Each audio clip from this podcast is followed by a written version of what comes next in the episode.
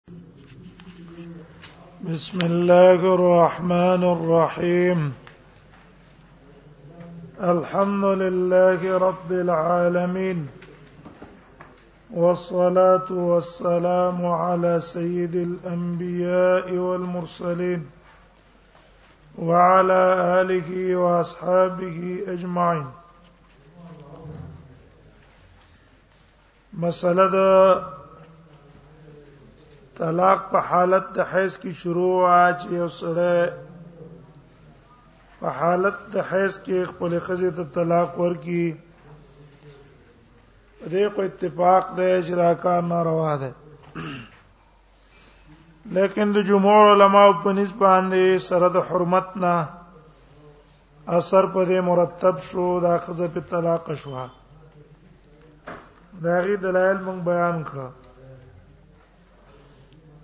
دویم مذهب د اهل ظواهر د ابن حزم په محلا کې او د ابن تیمیه رحم الله قول له مجموع الفتاوی کې او ابن قیم رحم الله هم ذکر کړی په ذات المعاد کې دارنګ د صنعانی صاحب قولم ده په سبل السلام کې دا محققین علما وای چې چا خپل خزلا په حالت د حیض کې طلاق ورکو دا طلاق نه واقع کیږي ګناګار دی مجرم دی او په دې طلاق باندې اثر مرتب نشو یو هغه استدلال نسی په روایت ابو داود امام ابو داود روایت نقل کړی دی د ابي زبیر نه چې ابن عمر رضی الله عنه چې خپل خزر طلاق ور کړو نو عبد الله ابن عمر واي فردها عليّ ولم يرها شيئا فردها عليها ولم يرها شيئا وی نبی صلی الله علیه وسلم دا خزه په مارا واپس کړه ولم يرها شيئا او اسی دا اون لیدل او ظاهری معنی دا شو چې ولم يرها شيئا د طلاق حساب نکو چې حساب نه کو خو طلاق واقع کیږي نه طلاق نو واقع کی په حالت حیض کې ولم يرها شيئا جمهور علما را لګی دي دي دینه جواب کړه چې دا حدیث د عبد الله ابن عمر چې ابي الزبير روایت ته دا سندن کمزور ده ولې امام ابو داود په خپل وایي والاحاديث كلها ولا حديث الصحاح كلها على خلاف ما قال ابو الزبير وإذا عبد الله ابن عمر نه چې دا روایت په څونه طریقو نقل ده نو په ټولو طریقو کې دا دي چې دا طلاق په عبد الله ابن عمر حساب کړه صرف په دې روایت د ابو زبیر کې په دې کې راځي چې طلاق په ما باندې حساب نکو لہذا دا قول د شاش شو نو دې له اعتبار نشته دې له څه نشته دې له اعتبار نشته دویم جواب خطابی صاحب کړه ہے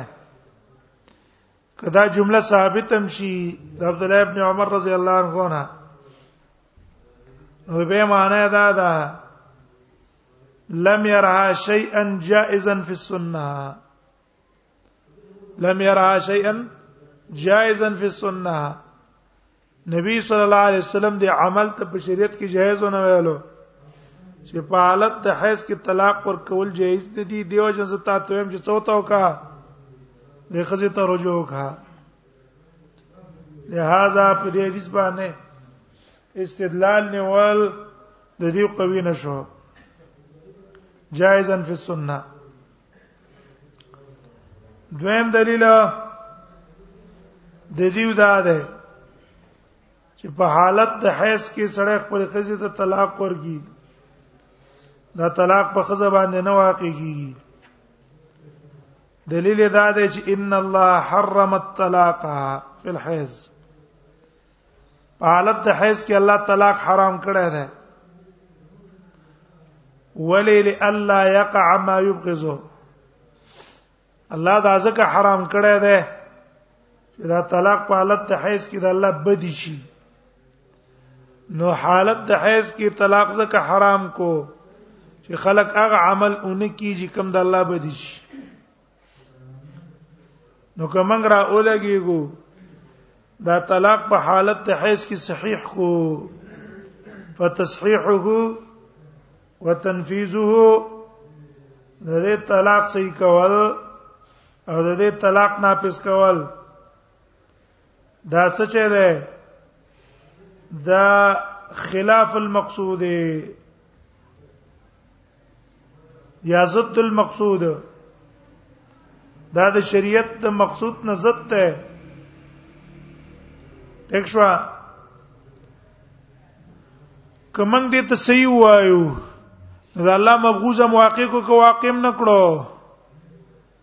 وې د دې لپاره مثال د څه ده کله چې نکاح منهي عنه وي نکاح منهي عنه کمی نکاح نه چې شریعت منع کړی دا دا نکاح نه صحیح کیږي د وجه د نهینا مثلا لا شغار فی الاسلام په اسلام کې نکاح شغار نشتا متعی نکاح نه ناروا ده اوس یو سره د متعی نکاح کی یا بدل نکاح کی دا نکاح سې کیږي نه سې کیږي کنه شریعت ته نه کړي دقه سي چې په حالت د حیض کې شریعت منع وکړه چې دا باندې انا روا ده په حالت د حیض کې به طلاق نه واقع کیږي نو څنګه الته نکاح نه صحیح کوي او دلته طلاق صحیح کوي د فرق باندې دلیل تاسو څه ده مل فرق بین الطلاق والنکاح په دلیل پینې شوي نکاح د شغار ته صحیح نه وي نکاح د متعه ته صحیح نه وي د سوجنا نه یې د واجنه نو دلتم دا وقوع د طلاق په حالت د حیض کې منیا نه ده کنه ده نو څنګه دلته طلاق صحیح کوي اول ته نکاح نه صحیح کوي دا فرق تاسو د کوم ځای نه کوي بل جواب غيو دلیل دا وایي وی طلاق په حالت د حیض کې مخالف لامر الله تعالی طلاق په حالت د حیض کې مخالف ته د الله د امر نه دې کې مخالفت ته د الله د امر او په حدیث کې راځي رسول الله صلی الله علیه وسلم فرمایلی دی من عمل عملا ليس عليه امرنا فهو رد من عمل عملا ليس عليه امرنا فهو رد چا چې د سي عمل کو چې باغی باندې زمونږه د طریقې موافق نه وي فهو رد دا بسوي دا بردي فالطلاق في الحيض مردود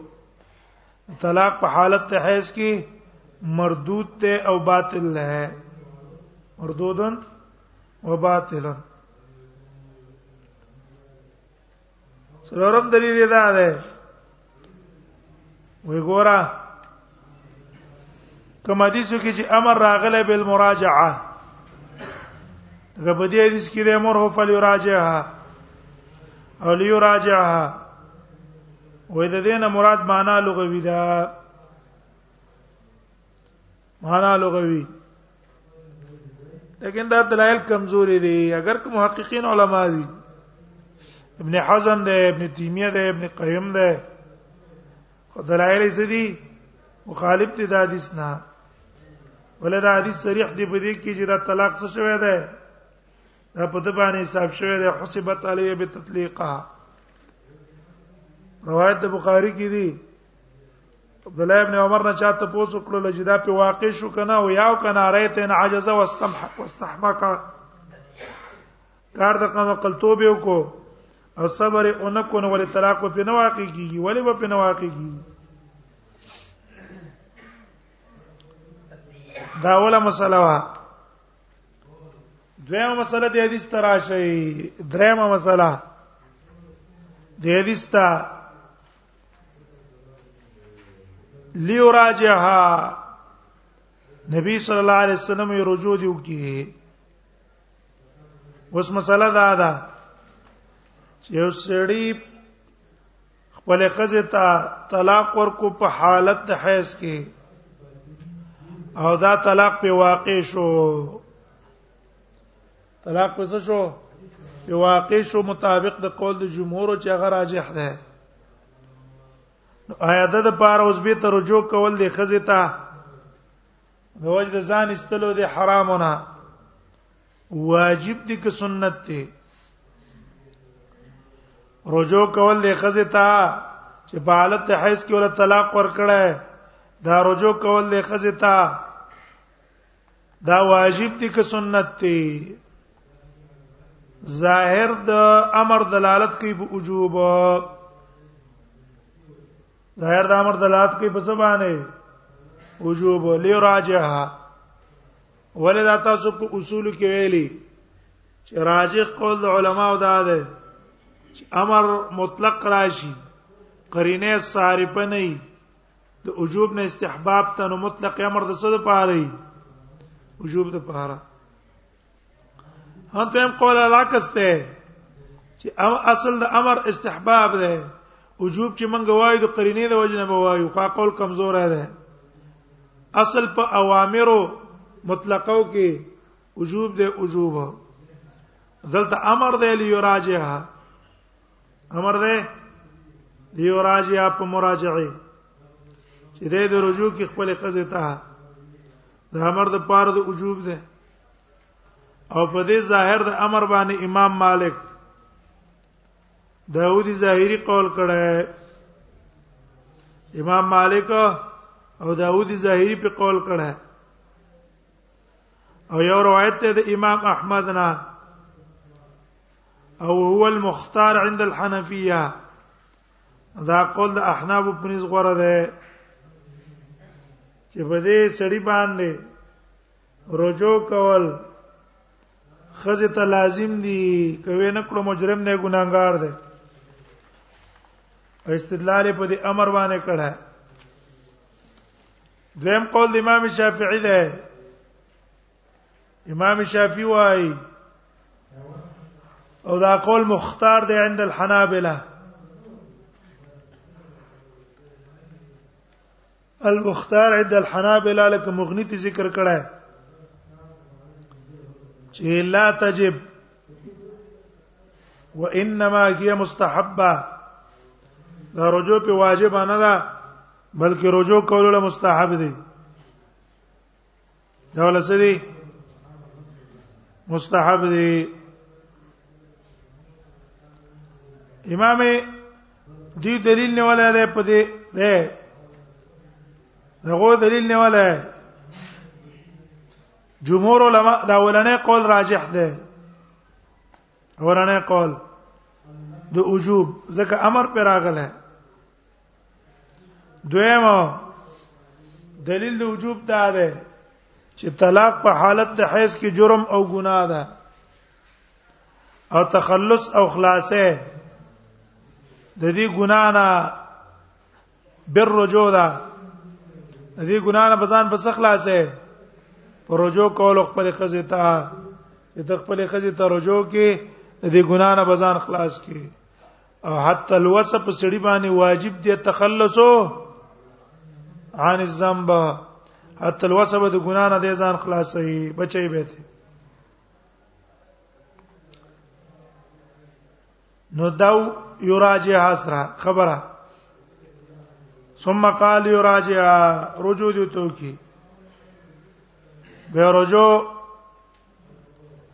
د جمهور علما په نس هغه دا بالقول زګه ولې دا غي په نس باندې شهادت ال رجوع لازم نه واجب ده او شهادت پر رجوع کیږي په جما باندې گوا کیږي نو زکه جما خلق په پټه کوي نو قول بکې او د احناف په نسبت باندې رجو په جما سره هم صحیح کیږي ځکه د غریب په نسبت باندې گواهان نیول پر رجو سن دي رجو باندې گواهان نیول لازم نه دي نو لراجها ثم يمسك حتى تطهر به بدا بزان سره په نکاح کې اوساتی حتا تطهر تر دې چې د حیض نه پاک شي ثم تحيض به به بل حیض راشي فتطهر دا غنه به پاک شي فإن بدا له که خوغه طلاق دیږي وګوره مسله دا ده صورت چین کې کی کینه وای زړه دې را اولګې دو خپل خزله په حیث کې طلاق ورکو نو د دې ګنا تدارک بدا کې جسم دواره برجو کوي چې رجو یو کړه او د دې حیض نه پاک شوا چې څنګه د کوم حیض کې ول طلاق ورکړي دې په نږدې دا طهر چراغه نو په دې تور کې طلاق ورکول شي کنه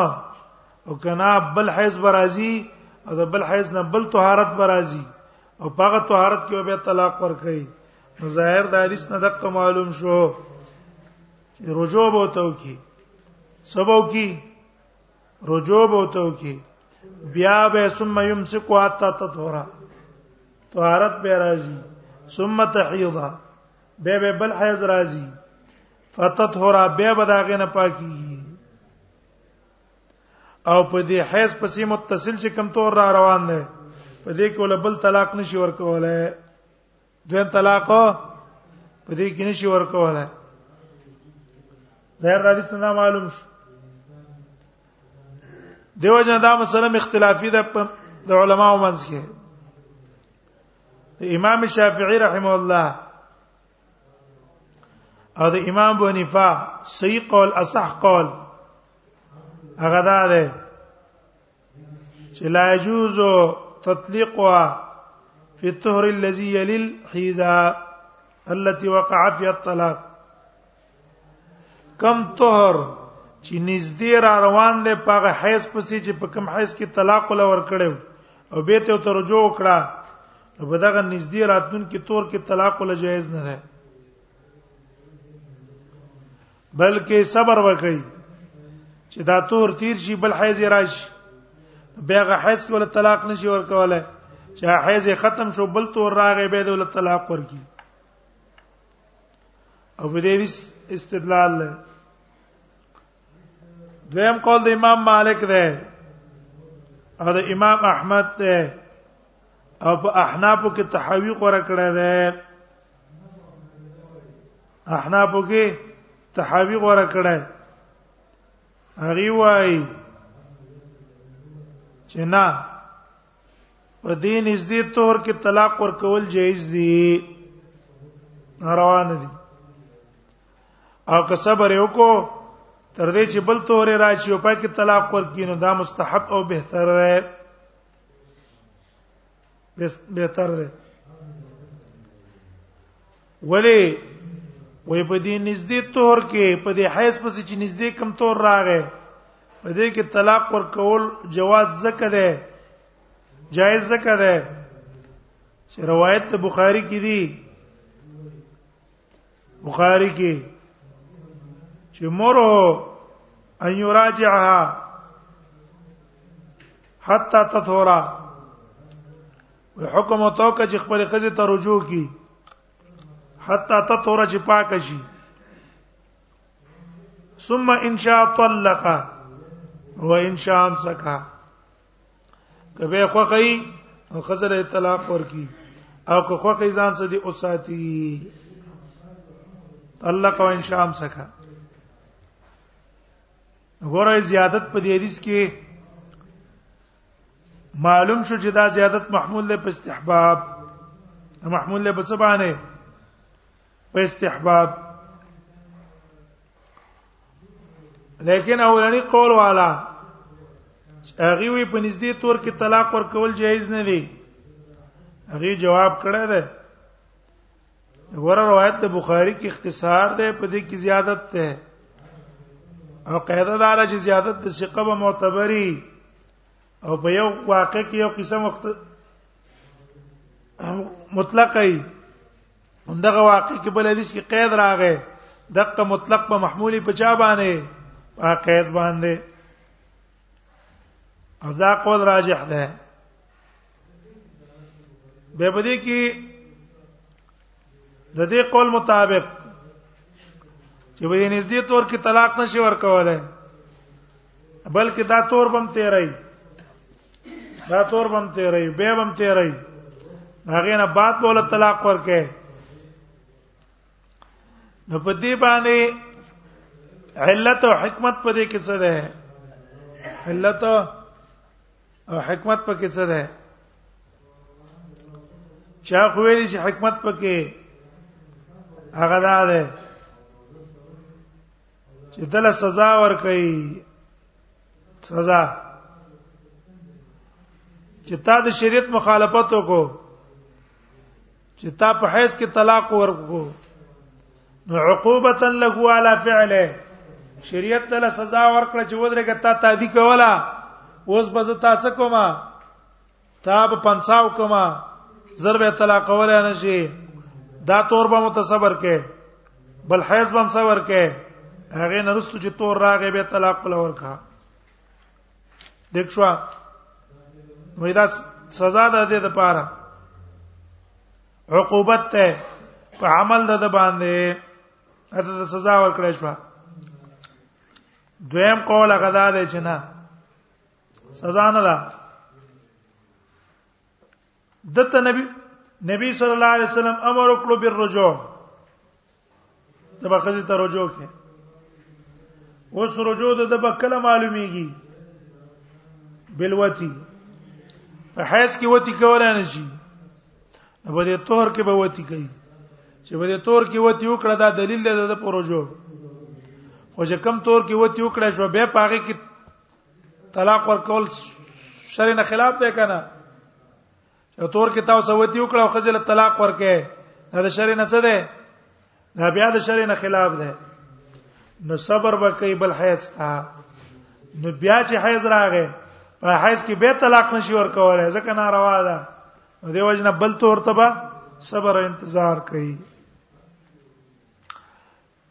هو فی روایت منو فلیلاجها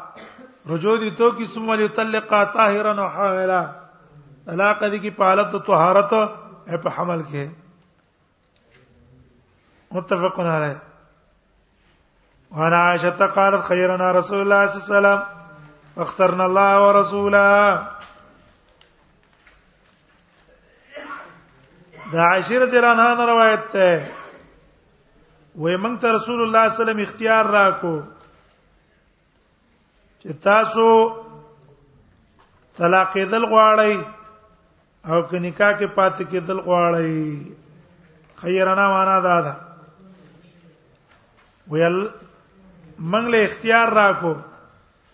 نو موږ څوکړلو فاخترنا الله ورسوله وي موږ الله او رسول غوړه کو فلم يعد ذلك علينا شيئا اخترنا الله ورسوله مخکې اختیار ذکر شو کنه پر ابل ورځم روایت کی ویاله رسول الله صلی الله علیه وسلم د خپل بیان نه یو میاشت کړو عادل کړو بیا رستو را کوشو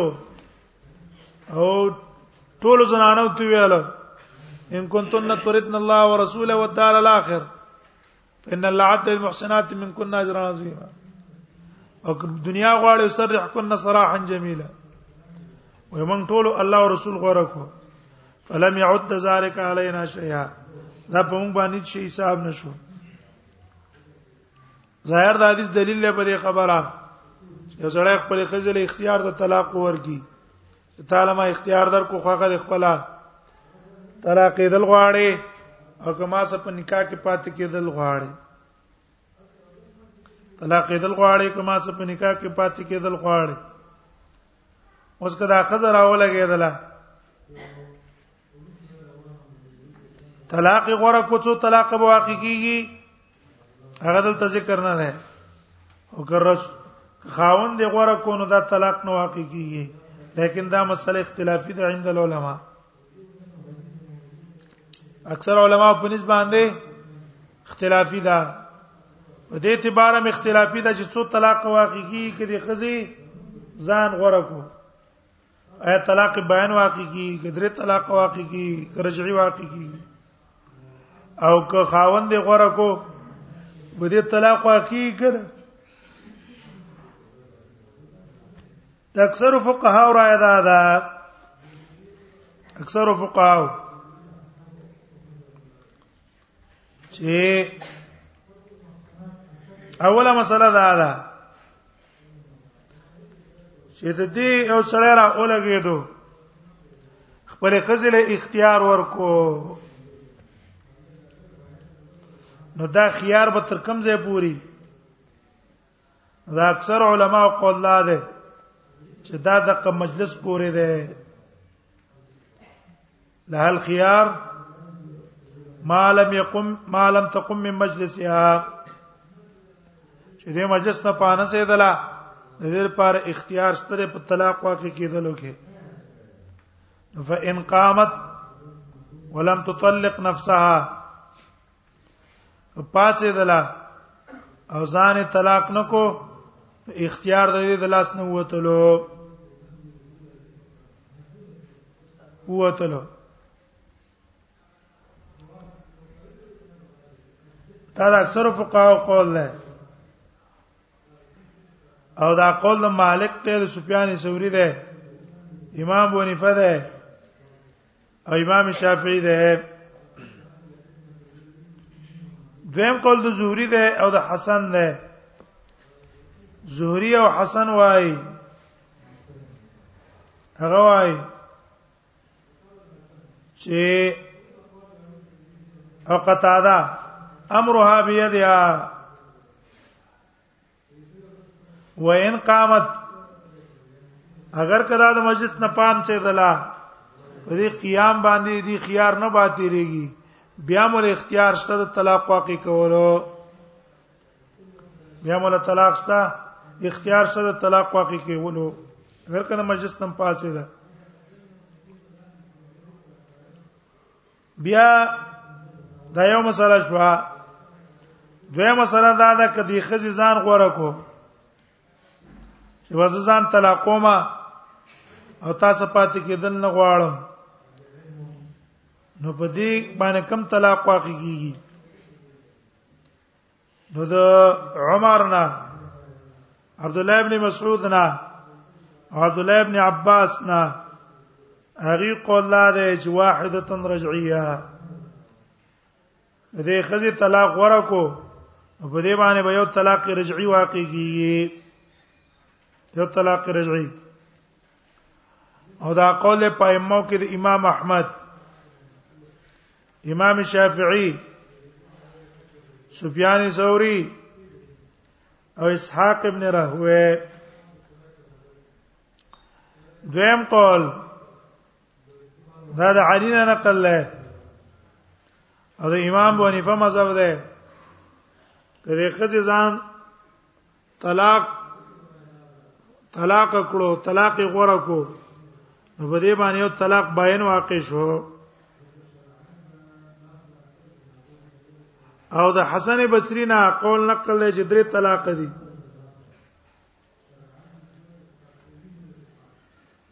او کدا خزر اولګې دلا ځان خاون دی غوړه کو او ویل چې راځه طلاق نه غواړم بلکې تا غوړه کوم نو په دې صورت کې بیا یو قول له د زید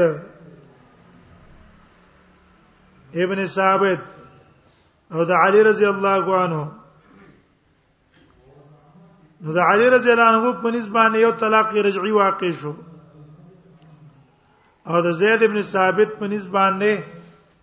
درې طلاق واقع شو درې طلاق لیکن د جمهور علماو مذهب دا ده چې په دې باندې هیڅ نه واقع کیږي د وجه دې حدیث نه چې فخترنا الله ورسوله فخترنا الله ورسوله وې من الله او رسول غوړه کړو په منګه باندې هیڅ حساب نشو دا سید مذهب ده د نبی صلی الله علیه وسلم خپل بیبيان له اختیار ور کړو او په دې نه یو واقع شوی رجعي انا په درې واقع شوی وان وعن ابن عباس قال في الحرام يكفر عبد الله ابن عباس رضی الله عنه روایت دا وی في الحرام يكفر په صورت د حرامو کې به سړی کفاره ورکړي کفاره د قسم مناسبت د باب سره دا ده یو سړی را ولګي د خپل خزي تی ویل ته دی په ما باندې حرام ہے یا وی ویل چې خزه دی په ما باندې حرام ای نو په دې صورت کې د باندې طلاق واقع کیږي که زهار واقع کیږي او که صورت د قسم ده قاضي عیاض سوار لس قول په دې کې نقل کړي عینی سے عمدۃ القاری کې نقل کړي حافظ ابن حجر هم نقل کړي او ابن قیم هم زاد المعاد کې نقل کړي چې څوار لس اقوال په دې کې جوړېږي څوک یرا کنه ته د زهار او زهار ده کنه ته د طلاق او طلاق ده څوک د مدخول بیا د غیر مدخول بیا فرق کوي څوک یو طلاق واقع کوي څوک درې لیکن راجح قول دا د عبد الله ابن عباس ته یو سړی خپل خزه په ځان باندې حرامه کی نو په د باندې کفاره د قسم ده روایت نه صحیح کی تفصیل له یو سړی راغی نبی عبد الله ابن عباس دی ویل ما خپل خزه په ځان باندې حرامه کړې عبد الله ابن عباس ته ویل دا پتا باندې نه حرامېږي کفاره ورکا اعتق رقبه غلام آزاد کا بیا ګوره چې هغه ته اعتق رقبه ویلې دا کفاره د قسم خود له وتا او چون کې هغه مالدار او مالدار ته اوچته کفاره خود له چې تب څور کې غلام با آزاد اعتق رقبه ته غلام آزاد کا هغه ما څه وس در قبې نشتا نه وس در قبې په کې نشتا او رقبه او توې چې کفاره د قسم به ورکه د کفاره د قسم کې یا غلام آزاد ولي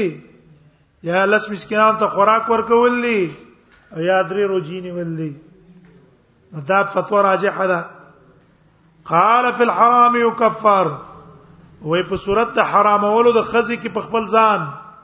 خزه په ځان حرامه کې یا خراس کاک په ځان باندې حرام کې یا بل شی په ځان باندې حرام کې یو کفر داګه بچور کې پاره ور کې کفاره بیا د آیات ولستو دلیل د پاره لقد کان لکم فی رسول الله اسوه حسنه استاذ پاره پر رسول الله کې خسته اقتدا ده زمانہ رسول الله صلی الله علیه وسلم په ځان باندې ماریه قبطی حرام کړی و د یو قول مطابق یو قول مطابق ماریه قبطی حرام کړی و زما بس دې سنځ دې کت نه کوم کله چې حبسي او ته شکایت وکړو دویم قول مطابق چلان دی حدیث کې راځي چې زینبې سبه شات سکل نبی صلی الله علیه وسلم تجدید بی بیان ویل چې رستانه د مغافیرو بی خيږي نبی صلی الله علیه وسلم ویلا چې بس به قسم په الله نه به اس کومه نه بدا به باندې کوم دسه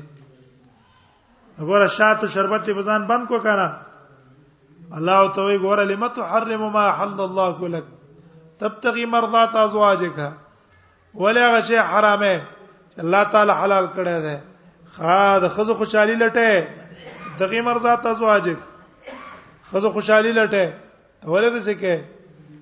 قد فرض الله لكم تحله ايمانكم الله ستاسو پاره د قسمونو کفاره ګرځولې ده سم کوي نو دغه عاشر روایت راوړي د پاره د تفصیل د کمی خبره لقد کان لکم فی رسول الله اسوه حسنه شپې شوي د دې حدیث لقد کان لکم فی رسول الله صلی الله علیه وسلم کوم څه مناسبت شو د دې حدیث را لقد کان لکم فی رسول الله صلی الله علیه حسنه د دې جملې سره مناسبت ده وعن عائشة ان النبي سم كان يمكث عند زينب عاشر جهان روایت ته څوک دي داونه وایي چې ګوره د دې د چا سره حدیث ته مناسبت نشته کنه باب سره نو دې ته ویل کی مناسب مناسب ټیک شو دا مناسب دی د چا سره دغه حدیث ته چې مناسب دی د باب سره دا عشر جهان روایت ته نبی سم کانم کو تو عند زینب یو وخت به تیر او په خوا د زینب بنت جاش کې و شرب عند عصلا او دا غي په خوا کې به شات سکل نبی صلی الله علیه وسلم با شپه د هاري بیبي سره په نمبر نمبر کوله او مازیګر ټیم کې به نبی صلی الله علیه وسلم په ټول بیبيان ورتلو هغه سبلک سات کې ناستو څه خبرې دی بلې سبق کې ناستو بلې سبق کې ناستو چې زینبې سبب ورغه وخت به ډیر تیر کو د نور به بیان یا چې رسول الله صم ته وخت ډیر تیر دا اوله او ته پته ولګې دل چې هغه له شربت جوړای نو باغې باندې وخت ډیر تیریږي دیسته چل جوړ کو دای فتوا سے تو انا وحفصه و ما حفصی اتفاق کو تواسیت یو بل تم وصیت کو ان یو بل تم حکم کو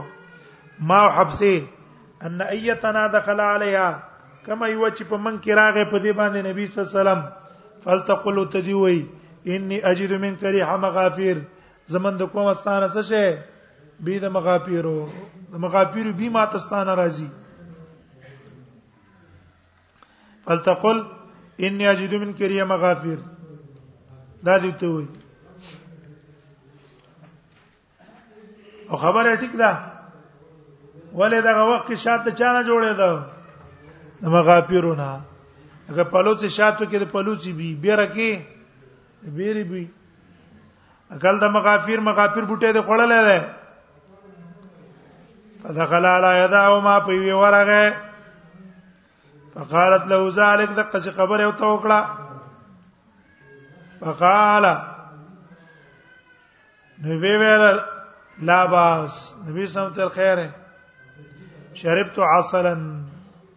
غافیر مې نه خوړلې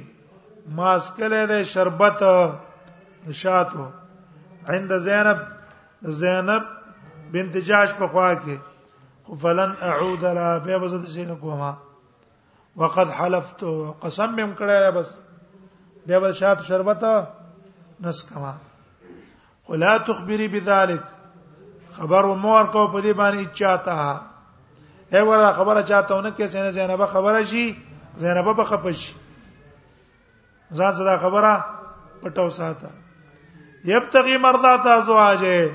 لټو نبی سم په دې باندې رضا منتیا د بازي بیانو زمیر یبتغي کی چاته راځي ده یا تخبیری تا هیو دا خبر چاله مو ورکولې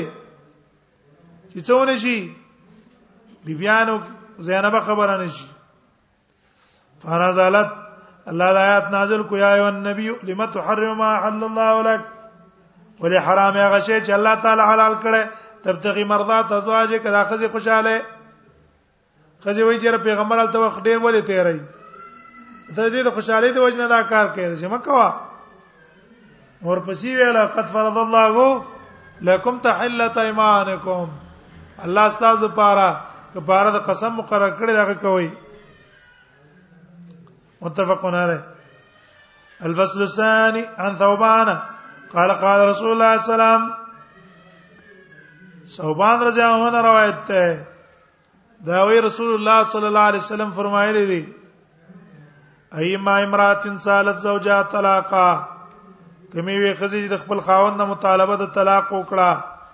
غیر ما باسن په غیر د سنا غیر د څه ضرورت نه ضرورت نشته حاجت د طلاق نشته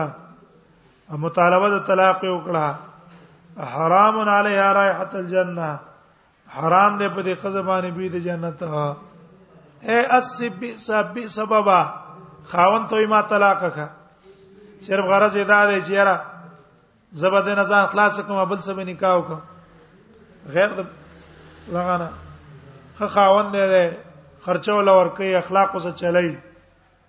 خمینه محبت سره ساتي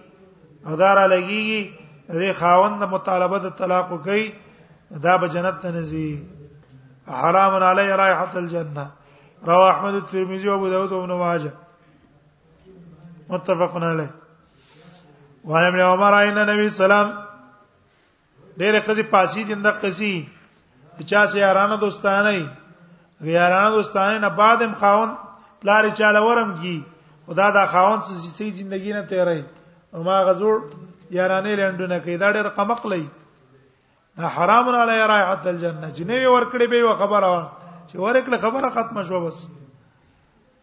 یا یو سړی چې نه سیارانه ساتي خو ځنه نه ورکړي په دې تمه به چې به وکم چې ورې کله بس به پکې څه خبرې ته ختمه کا نور دا د پردیش وا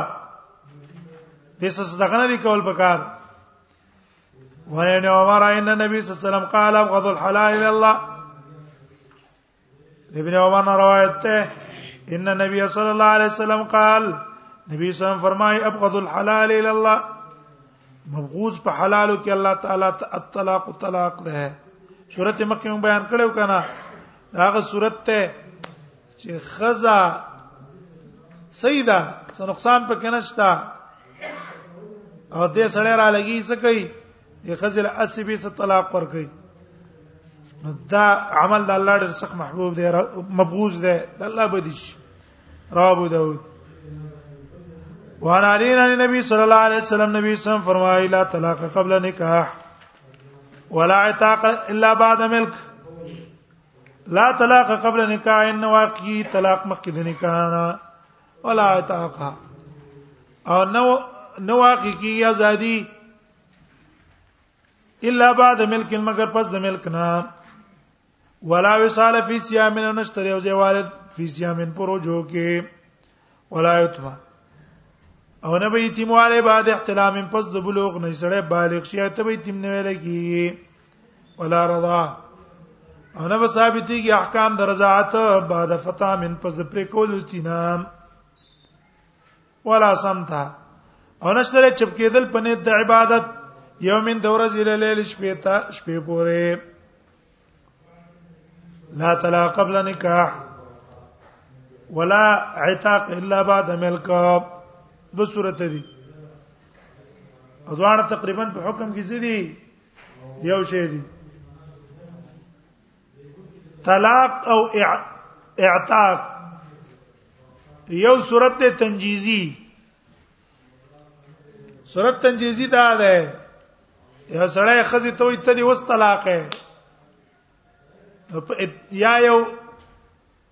غلام ته وای د غلام نه دی غلام دی هغه ته وای ته دی آزاد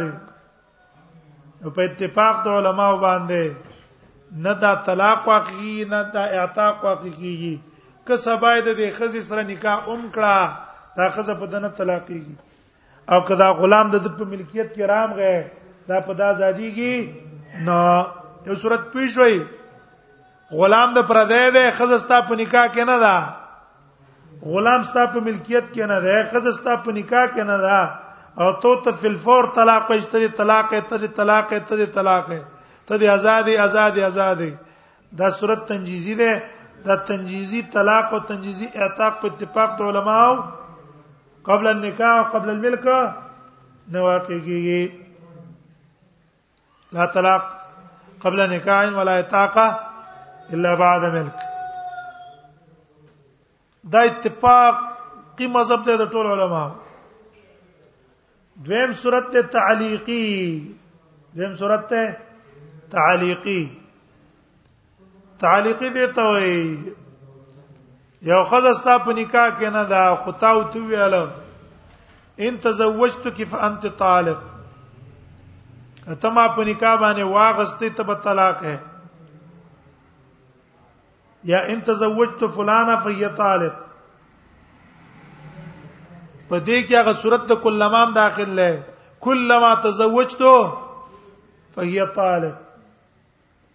کما خزه سره چې ما نکاح کا به طلاق دی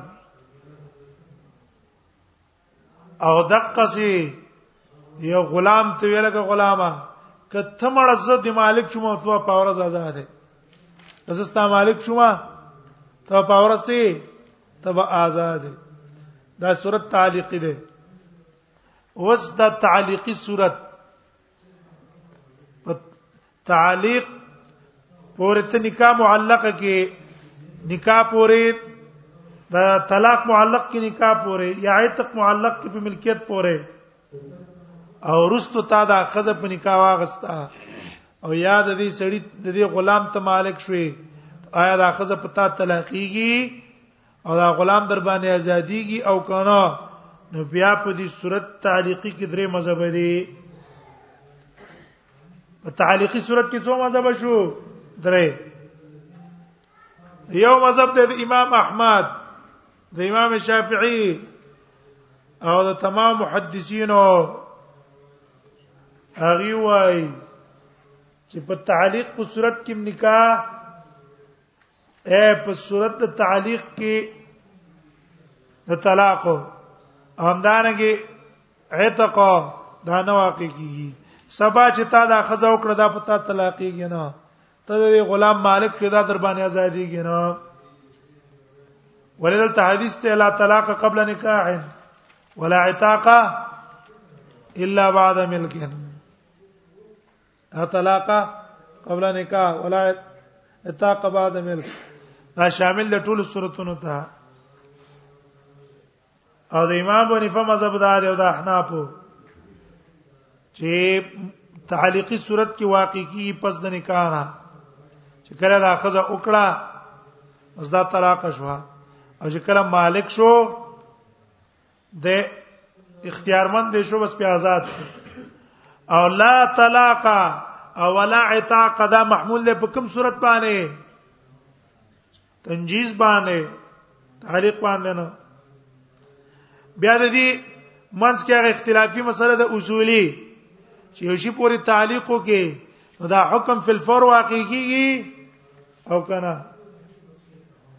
جمهور علما او مذهب دا ده چې دا حکم فل فور واقع کیږي که محل قابلی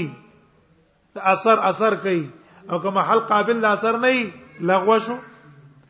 احناب په نسبت په صورت د تعلیق کې فل فور نه واقع کیږي تر څو پورې چې حکم شي پورې تعلیق کړي هغه موجود شوی نه چې هغه موجود شو نو دا کوم شی چې تا معلق کړی دی دا مراغه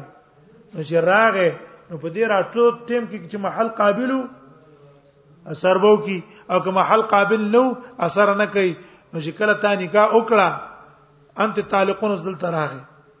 چې تا دا غلام آزاد کو واده غستو نو غستلو سره وسته شلو اتاق امراغه چې اتاق راغه لفظ د طلاقون راغه محل قابل دي کنه دي څه شلو او سره یو کو بس واقع شو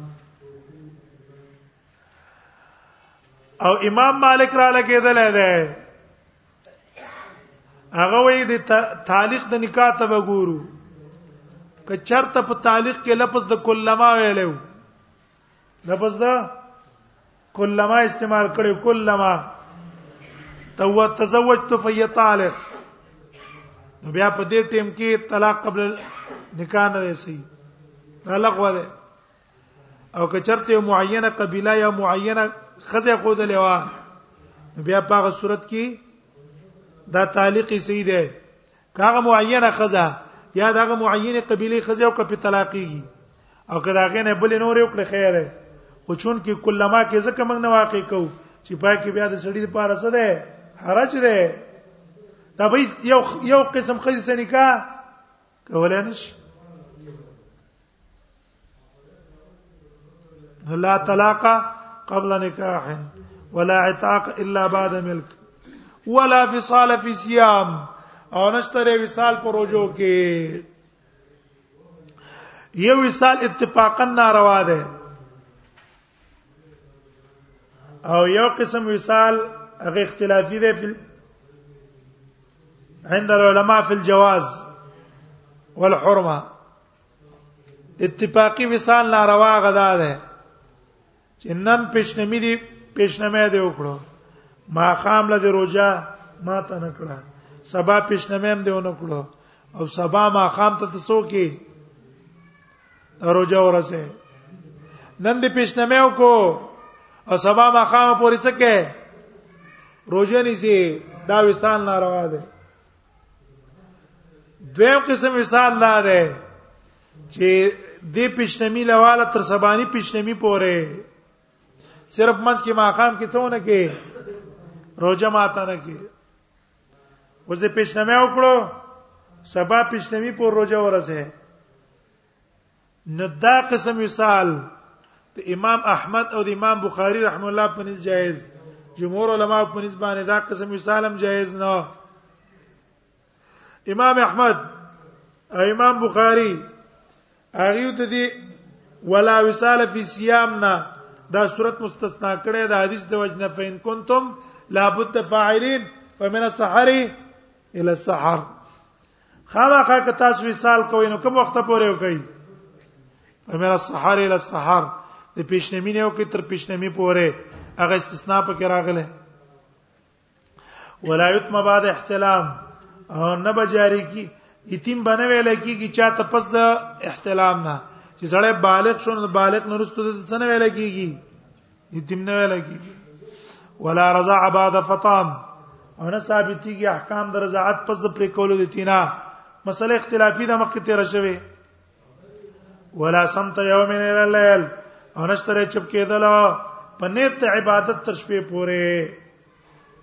اته غلې خبره نه کې په دې نیت چې دا خبره کول ګناه ده او چپ کېدل کې ثواب نه دا معنی اوس یو سړی ناشته څوک سنشت چې خبرې وڅوکي دغه څه خبرې نشته کنه یا سره توزګار نه بس بوج دی په سره خبرو توزګار نه دی